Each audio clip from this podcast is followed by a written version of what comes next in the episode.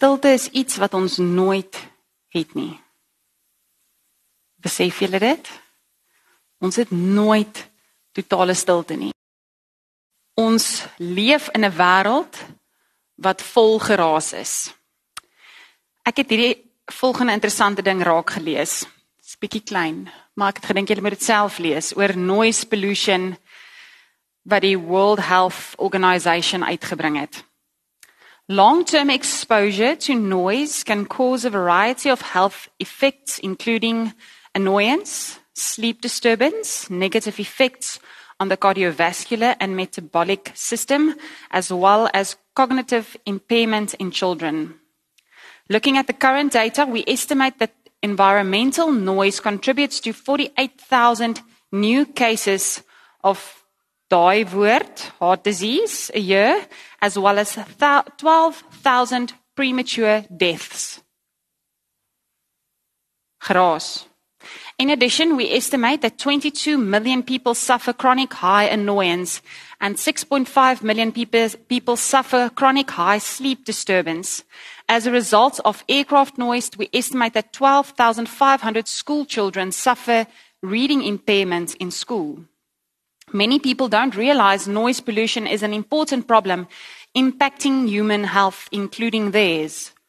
Of course, there are many more premature deaths associated with air pollution than for noise. However, noise seems to have a larger impact on indicators related to quality of life and mental health. In fact, according to some World Health Organization findings, noise is the second largest environmental cause of death problems just after the impact of air pollution. Nie eers vuil water maak soveel mense dood soos geraas nie. Dit was vir my skerry toe ek dit raak gelees het. Dat geraas, konstante geraas en dan praat ons ja, hier praat hulle nou van vliegtye wat naby skole is wat kinders doof maak dat hulle nie of dat hulle nie kan goed lees nie. Maar ek praat oor geraas in die algemeen. Ons leef in die raserigste era wat daar nog ooit was. As jy 100 jaar terug op aarde was, sou dit stiller gewees het as jy hier in die kerk gesit het en jy geluister o, 'n jaar ter 100 jaar terug was die kerk nog hier nie. Maar as jy dan nou hier op hierdie plek gestaan het en jy geluister het, sou dit stiller gewees het as wat dit vanoggend was. 200 jaar terug sou dit nog stiller gewees het. 1000 jaar terug as jy op hierdie spesifieke plek gestaan het, sou dit nog stiller gewees het. Ons leef in 'n tyd waar dit baie baie raas. Ek gaan vir ons vanoggend lees uit Markus 4 uit. Nou Markus 4 speel af in 'n tyd waar daar ook minder geraas was, want daar was nie karre nie, daar was nie selfone nie, daar was nie vliegtye nie. Daar was nie elektrisiteit nie, dit was baie stiller. Maar kom ons lees Markus 4. Ek gaan lees vanaf vers 1 tot so by omtrent vers 20. Hy het weer begin om hulle langs die see te onderrig. Daar het 'n groot skare op hom om hom saamgedrom dat hy op die see in 'n boot gaan sit het en die hele skare was op die strand langs die see. Hy het hulle dikwels deur gelykenisse geleer en deur sy lering vir hulle gesê: "Luister julle, kyk, 'n saaier het uitgegaan om te saai. Tydens die saaier saaiery het 'n deel van die saad langs die pad geval en voëls het gekom en dit opgepik.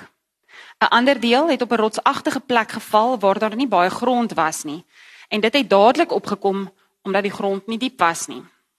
Maar toe die son opkom, is dit verskroei omdat dit nie wortel geskiet het nie, het dit verdroog. 'n Ander deel het tussen die dorings geval. Die dorings het opgekom en dit verstik en dit het nie vrug voortgebring nie. En nog ander saad het op goeie grond geval en dit het opgekom, gegroei en opbrengs gelewer. 31, 'n ander 60 en nog 'n ander 100voudig. Toe het hy gesê: "Laat die wat ore het om te hoor, luister." Toe hy alleen was, het die omstanders saam met die 12 hom uitgevra oor die gelykenisse. En hy het vir hulle gesê: Aan julle is die geheimenisse van die koninkryk van God bekend gemaak, maar vir hulle daar buite word alles in gelykenisse gegee, sodat hulle sal sien en tog nie sien nie, en hoor en tog nie verstaan nie, en hulle nie terugdraai en vergewe word nie. En hy sê vir hulle: "Begryp julle nie hierdie gelykenis nie? Hoe sal julle dan al die ander gelykenisse verstaan?" Die saaier saai die woord. Die saad langs die pad is die mense by wie die woord gesaai word. Sodra hulle dit hoor, kom Satan dadelik en neem die woord weg wat in hulle gesaai is. En die saad wat op rotsagtige plekke gesaai is, is die mense wat die woord dadelik met blydskap aanneem wanneer hulle dit hoor. Maar dit het nie wortel geskiet nie en hou net 'n rukkie. As verdrukking of vervolging van wie die woord plaasvind, struikel hulle dadelik. En ander weer is die saad wat tussen die dorings gesaai is.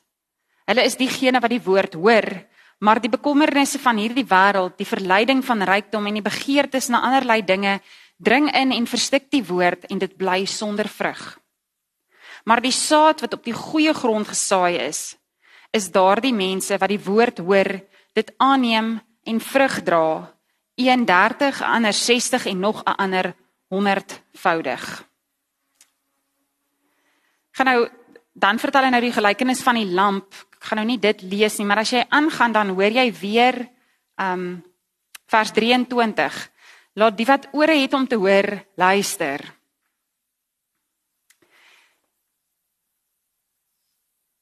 Hier word 'n paar keer gesê, luister. Julle moet hoor, julle moet verstaan, julle moet luister, julle moet hoor. Niks minder nie as 3 keer sê hy luister. Luister, luister, slag slaan ag op wat jy hoor. En hierdie tyd was 'n baie stiller tyd toe Jesus hier met sy mense gepraat het. Daar was nie, soos ek gesê het, elektroniese goed, karre, selfone, sulke goed wat hulle aandag aftrek het nie. En nog steeds het hulle nie gehoor nie, want anders sou hy nie die hele tyd vir hulle moes sê daai aan die begin is dit sommer luister julle met 'n uitroepteken. Hoor nou, luister nou. Spit julle ore. En ons sien oor en oor in Jesus se vertellings dat hy hierdie goed vertel, maar dat die mense nie luister nie. Hulle hoor nie. En dan verstaan hulle nie want hulle het nie geluister nie. Want hulle het met hulle eie idees kom luister. Markus beklemtoon dit so baie en daarom herhaal hy ook daai en dan ook daai gedeelte in vers 12 wat sê sodat hulle sal sien en tog nie sien nie en sal hoor en tog nie verstaan nie. So luister is belangrik. Nou hierdie hele gelykenis oor die saad gaan oor luister en hoe jy luister en hoe dit wat jy hoor dan uitgaan in dade. Wat doen jy met dit wat jy gehoor het? En as ons na hierdie woorde luister, dan sal ons verstaan. En as ons verstaan, kan ons in God glo. Maar dan begin dit by luister. Maar okay, Jesus in hierdie gelykenis gebruik baie eenvoudige alledaagse taal. Hy praat met saaiboere. Die mense wat voor hom staan, gaan presies verstaan wat Jesus hier praat. Hulle ken die boere. Hulle weet wat dit is om 'n saaiboer te weet. Hulle ken die plattelandse boere wat loop. Hulle het nie goedjies gehad wat vir hulle ry en die goeie saadjies mooi in 'n ry plant nie. Hulle het fisies geloop met hulle sak saad en hulle het self die saad gegooi. En obviously as jy saad gooi, jy is nie so presies soos wat 'n masjien is nie, so daar land goed op die harde grond, die voëls eet dit op. Dit land in onkruid, dit land in swak grond. So die realiteit van hierdie boere was dat 75% van dit wat hulle gesaai het, het nie opbrengs gebring nie. Hulle het staat gemaak dat 25% van wat hulle saai 'n opbrengs gaan bring. So die realiteit van hierdie boere was dat hulle baie gesukkel het. Baie van hulle was nie grondeienaars gewees nie, so hulle het skuld gehad van die grond waarop hulle boer, want hulle moes die huur betaal. Maar as hulle nie 'n goeie opbrengs het nie, kan hulle nie die huur betaal nie en dan breek van hulle implemente of hulle diere raak siek wat hulle gebruik, dan moet hulle nog meer skuld maak. Hierdie boere het oor die algemeen baie baie swaar gekry. Vir 'n boer om gelyk te breek om oukei okay te wees om die volgende jaar weer 'n oes te kan hê, moet hy sesvoudig vrug dra sy gewasse, wat ook al dit is wat hy saai, sesvoudig. Maar wat hoor ons as Jesus hier praat? Hy sê Die ou wat op die goeie grond saai, gaan 30voudig, 60voudig, 100voudig oes. So as die mense wat geluister het, mooi luister, sou hulle gehoor het dat Jesus besig was om te praat oor die ongelykheid van hulle stelsel van daai tyd. Want daai tyd was daar baie baie ryk mense, baie arme mense, die boere was armer mense gewees. So Jesus was besig om hier te sê God se koninkryk werk met 30, 60, 100voudig. God se koninkryk sukkel nie met 6voudig nie. God se koninkryk is gelyk. Daar is nie mense wat minder werd is as ander nie. Dit is die goed wat hulle sou raak luister, is dat God die sosiale omstandighede van hulle tyd aanspreek met wat hy hier besig is. Hulle praat ook van die die die ehm um, jubileumjaar, die jaar wat alle skuld vrygeskeld word. Sê hulle dit ook hier deel, maar ek gaan nou nie daaroor uitbrei nie, maar hulle sou dit gehoor het. Maar dis nie al wat Jesus hier sê nie. Jesus is nie net besig met 'n sosio-ekonomiese gesprek hier met die mense nie. Hy's ook besig om vir hulle te sê luister. Luister. Hoe luister jy?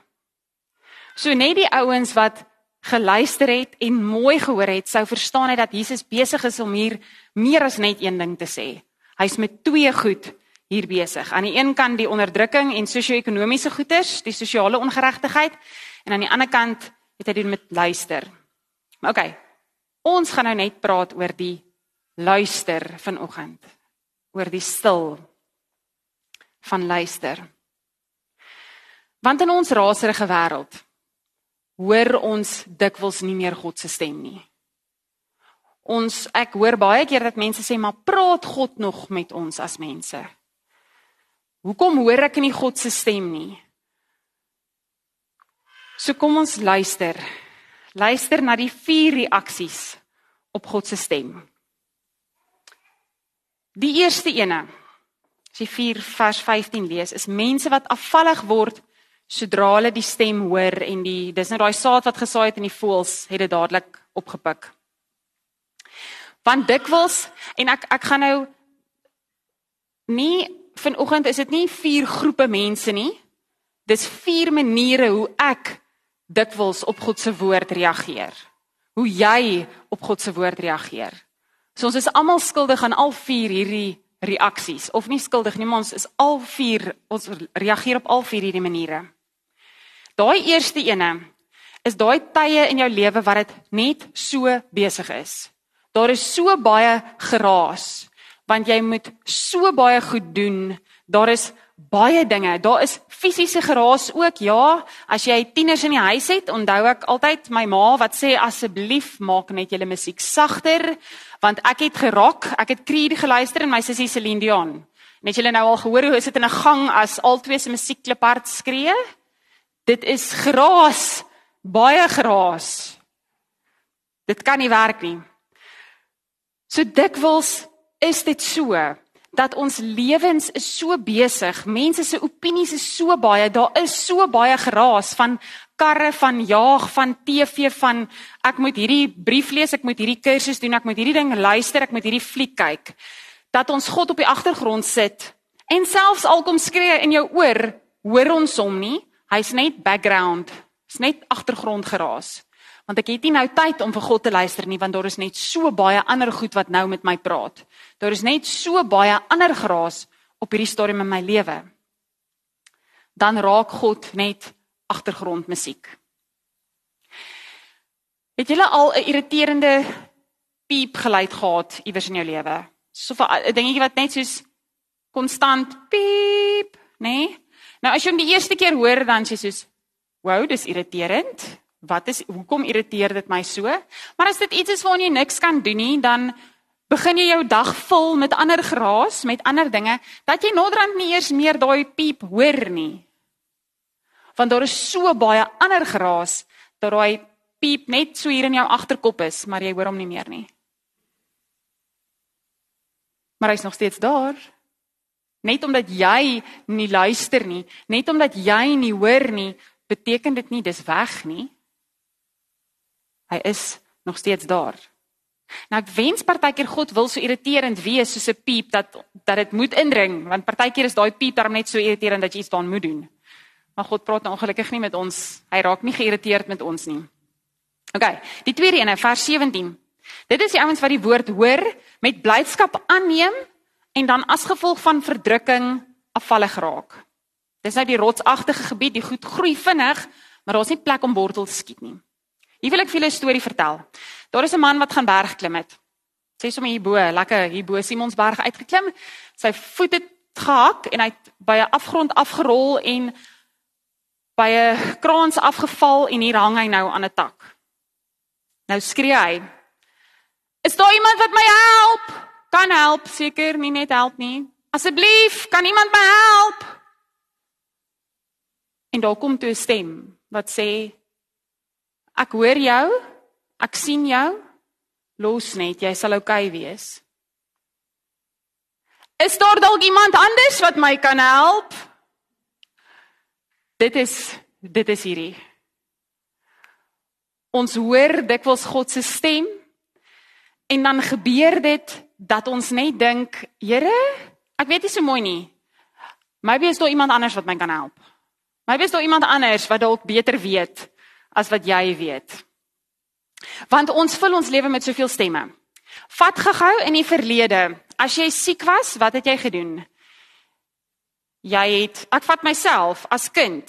As jy siek was, wat het my ma gedoen? Sy het die dokter gebel. Ons is dokter toe, die dokter het jou ondersoek, hy het jou 'n voorskrif geskryf, jy's apteek toe, jy gaan medikasie kry, jy's huis toe en jy het gesond geword of nie. As jy nie gesond geword het nie, het jy die proses weer herhaal. Jy's eerste dokter toe. Wat doen ons nou? Dokter Google. OK. Wow. sien julle wat kan alles fout wees met my? OK. Nou gaan jy gou-gou apteek toe. Dan begin jy nou jou lysie aftik. Dit kan nou moontlik dit of dit of dit is wat my keer. So ek gaan nou vir die apteker sê, ek vermoed dit is wat fout is met my. Kan jy asseblief my hierdie en hierdie medikasie gee? En as dit nie werk nie, dan gaan jy dalk terug weer apteek toe en dan as jy laaste resort dalk, okay, kom ek bel die dokter en ek gaan maak 'n afspraak by die dokter. En dan kom jy by die dokter aan en jy sê vir hom, ek het nou reeds vermoed dat ek al hierdie goeders het en ek het die medikasie gebruik vir al hierdie goeders en ek het nou uitgekanselleer dat dit is nie dit nie, maar dit is moontlik dit dit of dit. Dan sê ons vir die dokter wat ons mekeer omdat ons so baie stemme toelaat. En dan as die dokter nou vir jou sê, um, kom ons begin op square one. Kom ons behandel gou-gou hierdie ding. Dan sê jy sê maar ek het dit klaar gedoen en dit het nie gewerk nie, so ek gaan soek 'n tweede opinie of 'n derde opinie dalk. Ek ek ek, praat nou nie van ek maak nie nou die mediese goeters ligtelik nie verstaan party dokters diagnoseer verkeerd. Partykeer het jy nodig om 'n tweede opinie te kry. Maar hoor net wat ek sê dat ons ons so vul met 'n klomp stemme dat wanneer God met ons praat dan soos soos is Here, ek weet nie hoor. Ek dink ek moet eerder 'n ander opinie kry. Want dit is so maklik, so stel jou foon op en kry vir Google. En dit gebeur dikwels wanneer dit swaar gaan. Dikwels wanneer God van jou vra om die moeiliker ding te doen. Want dis baie keer wat gebeur. Is God vra vir ons baie keer om die moeiliker ding te doen. Dis dan wanneer ons nie wortel skiet nie. Dis dan wanneer ons ander opinies gaan soek want dit is net te moeilik hierdie ding. Ons kom dan by die derde ene. Vers 19. Dit is nou mense, hulle praat al daarvan disippels. So dis mense wat regtig al geluister het na God. Of dit is nou as jy al regtig jy luister en jy begin dit doen, maar dan verstik verstik jy in die sorges van die lewe of die verleiding van rykdom en begeertes. Dis nou daai dorings van jy het nou al goed gegroei, jy luister na God en dan groei al hierdie dorings jou weer toe. So dis amper dieselfde as die eerste een, maar nie heeltemal nie. Want hier het jy daarom al geluister. So God sê vir jou en jy het dit gehoor, Jy is 'n kind van God. Jy het gehoor dat hy sê hy het jou gemaak en hy het jou so mooi gemaak en hy het jou spesifiek gemaak om te wees wie jy is. En dan gaan sit ons op ons fone en ons skraal op Facebook en jy sien al hierdie ander stemme wat vir jou sê nee nee nee nee, as jy nou as jy so lyk, like, dan gaan jy tevrede wees met jouself. Of as jy hierdie kan koop, as jy hierdie rok kan koop of as jy hierdie kar kan hê of as jy hierdie ding kan doen, as ek net dit kan bereik, dan gaan ek dan sal ek weer tyd hê om te glo wat God vir my gesê het, dat hy my gemaak het presies soos wat ek moet wees. Maar nou die wêreld se stemme sê vir ons, nee, ag, hierdie begeertes, ag, vat net hierdie of kry net eers dit, dan gaan jy tevrede wees met jouself. Dan gaan jy beter kan luister. Wat gebeur op die ou einde? Weereens, God se stem het hard met jou gepraat en vir jou gesê, "Wow, ek het jou so amazing gemaak." En nou hoe meer stemme jy luister van die wêreld, hoe sagter word daai stem van God. Dan kom ons by die laaste, die laaste manier van luister. Dis die groep wat hoor, wat dit ontvang, wat dit glo en wat dan dit doen. Dis die goeie grond. Dit is mense of tye in jou lewe, nie mense nie, maar tye in jou lewe waar jy regtig met toewyding na God luister waar jy luister en nie net oppervlakkig nie, maar regtig diep luister en met God praat en in goeie kontak met die Here is. Daai tye wat jy voel ek is naby aan die Here, ek is regtig naby aan die Here nou. Ek dink nie dit gebeur noodwendig vir ons so verskriklik baie gereeld nie. Maar ehm um, ek het 'n uh, 'n uh, mentor wat vir my gesê het hy het 'n plek en dit is sy hemel en aarde plek. Dit is die plek waar dit vir hom voel die hemel en aarde is die naaste aan mekaar.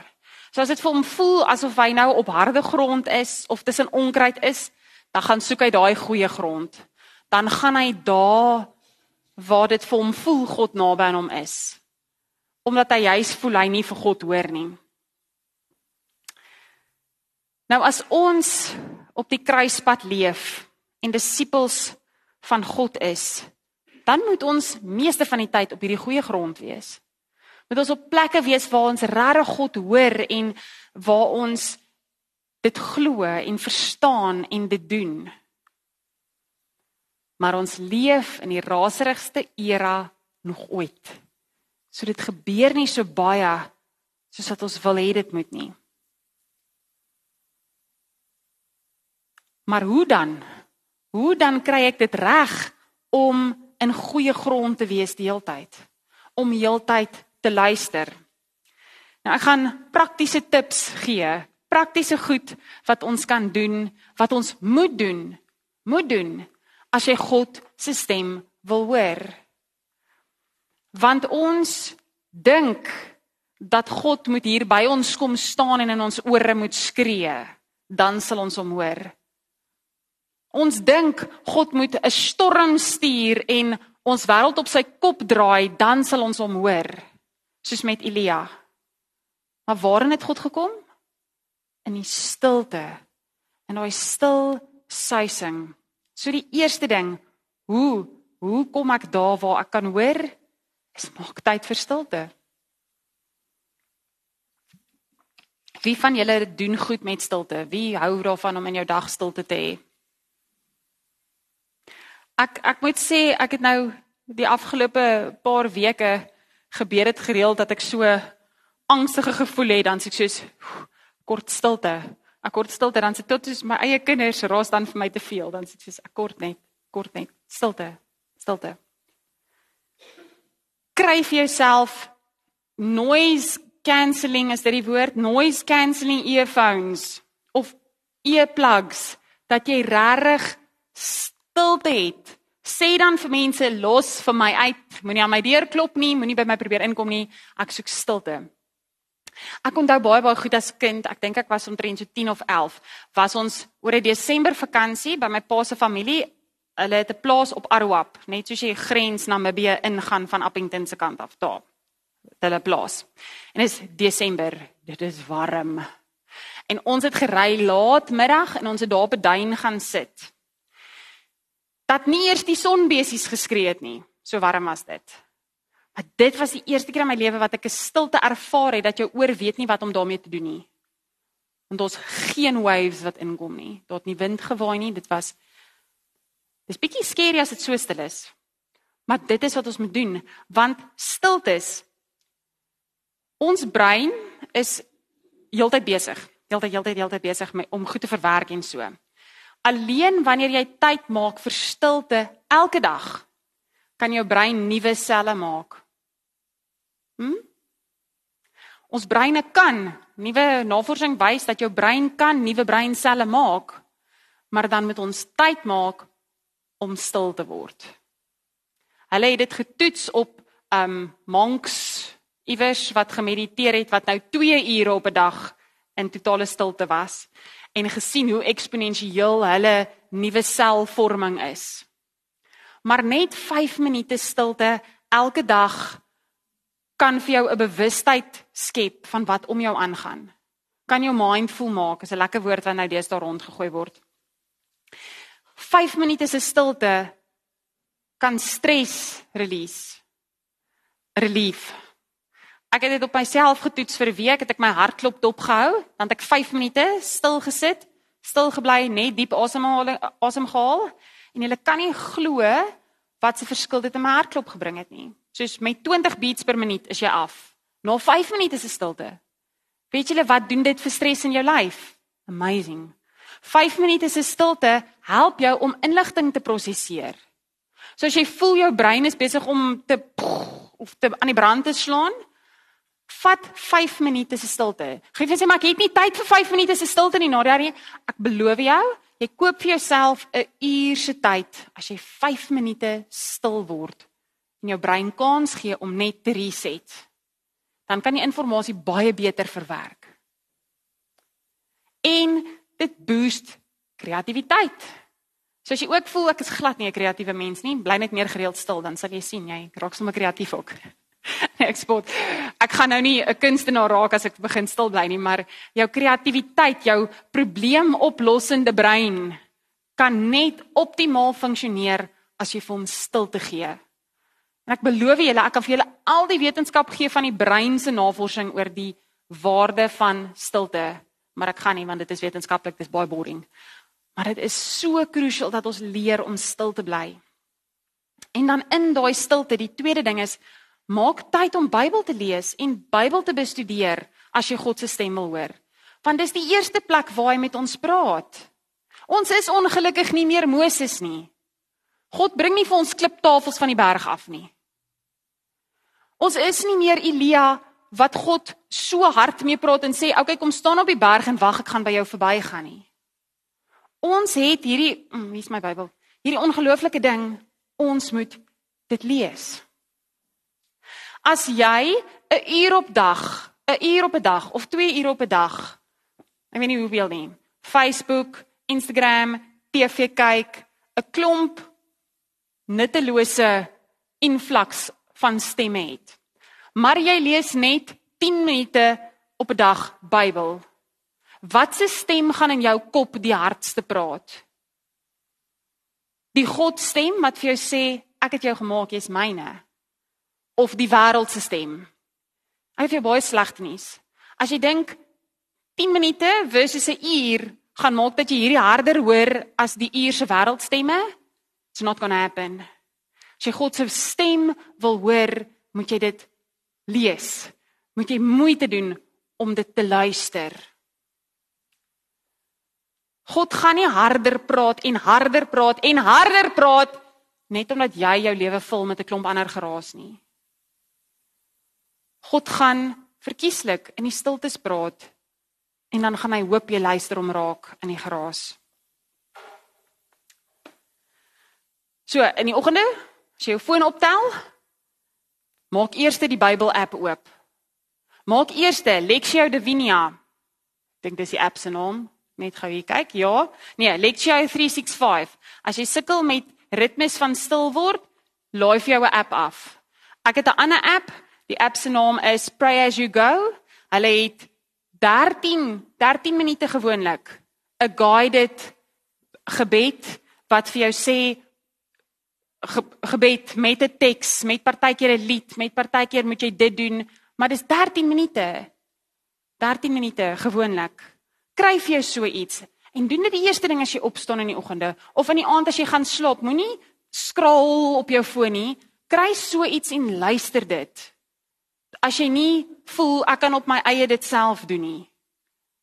Ek het die app op my foon want ek voel ek kan nie altyd op my eie in die aand lê en Bybel lees nie want dan raak ek aan die slaap want ek is moeg. Maar snaaks genoeg as jy so iets het wat jou so bietjie help, voel dit vir my soos isie. Okay, dit help. Dit help. So kry dit en en doen dit. Moenie voor die TV gaan sit en Netflix eers begin as jy nog nie tyd in die woord spandeer het nie. Dan gaan jy vir sê ja, maar dit is my ontspanning. Dan voel ek lus om vir jou baie lelike woorde te sê. Want ja, dit voel vir jou soos ontspanning om Facebook te scroll. Ja, dit voel vir jou soos ontspanning om Netflix, sommer Netflix te kyk. Want ja, maybe as jy gaan begin Bybel lees, gaan jy skuldig voel oor jy dit nie gereeld genoeg doen nie en dan doen jy dit sommer minder want Netflix laat jou nie skuldig voel nie. Maar as jy regtig God se woord wil hoor, as jy regtig God se stem wil hoor, dan moet jy tyd maak om na sy stem te luister. Ritmes in jou lewe inbou. En begin klein, moenie nou moenie nou al die apps oor gebed gaan aflaai en dan sommer 6 keer 'n dag probeer om al die gebedsapps te doen nie, want dit gaan nie werk nie. Begin klein. Kry vir jou een app as jy wil. Of begin net met in die oggend as jy opstaan, eerste ding, lees eers Bybel. Al is dit een versie, dis oukei. Okay. As jy vanaand in die bed gaan klim, sit jou foon neer, tensy dit ook op jou foon is wat die app is of wat die Bybel is. Maar begin klein. En dan gaan ek net vir julle vra, doen dit hierdie week saam met my. Probeer hierdie week regtig bewustelik meer Bybel lees, meer God se stem hoor. En dan praat ek nie net van bid en sê Here, ek wag nou vir u stem nie. Praat nou regtig van soos kry struktuur aan jou stilte. Gebruik die Bybel, lees die Bybel. Ek het nou myself voorgenem, ek gaan vir die volgende week gaan ek op ons gemeentegroepie elke oggend ietsie sit. OK, ek gaan of vir jou die app 'n link na 'n app stuur of ek gaan vir jou 'n lied stuur om te luister of iets om te lees dat as jy die oggend jou foon het dan sit soos ag Nadia los my uit.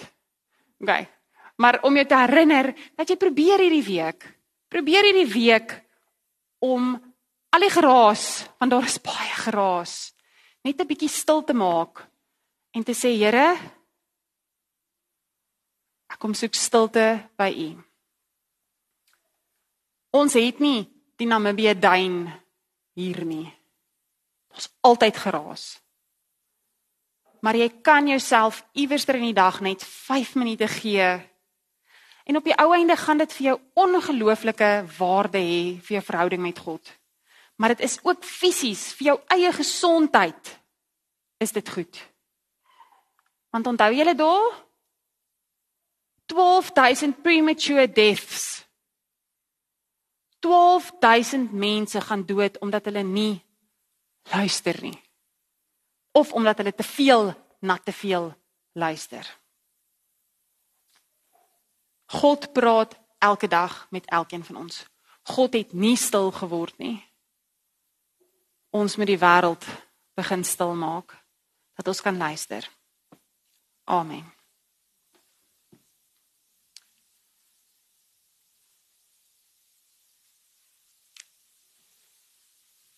Here ons bid nou vir stilte in ons lewens. Want Here ons jaag en ons is besig en dit is erg. Ek weet, Here, en ons kan nie net goed los nie. Maar ons kan prioritiseer, Here. Ons kan in ons dag kyk wat is die goed wat tyd vat wat nie nie tyd moet vat nie. En dan kan ons daai tyd vat en bietjie stil word, Here. Ons hartklop afbring. 'n bietjie op die goeie stem van U luister en nie na wêreldse stemme nie. Here my gebed is dat dat almal wat hier is vandag iewers in hulle week die waarde sal ervaar van stilte. Van 'n oomblik net stop en ons breine kans gee om nuwe selle te maak. ons breine kans gee om net 'n oomblik te rus sodat hulle nuwe inligting kan verwerk en kreatief kan raak. Sodat ons kan gesond raak. Sodat ons nie deel van statistieke raak wat soveel angstigheid beleef en hoë bloeddruk beleef en al hierdie hart en verteringsstelsel moeilikheid kry omdat ons soveel geraas in ons lewens toelaat nie. Leer ons waarna ons moet luister. Amen.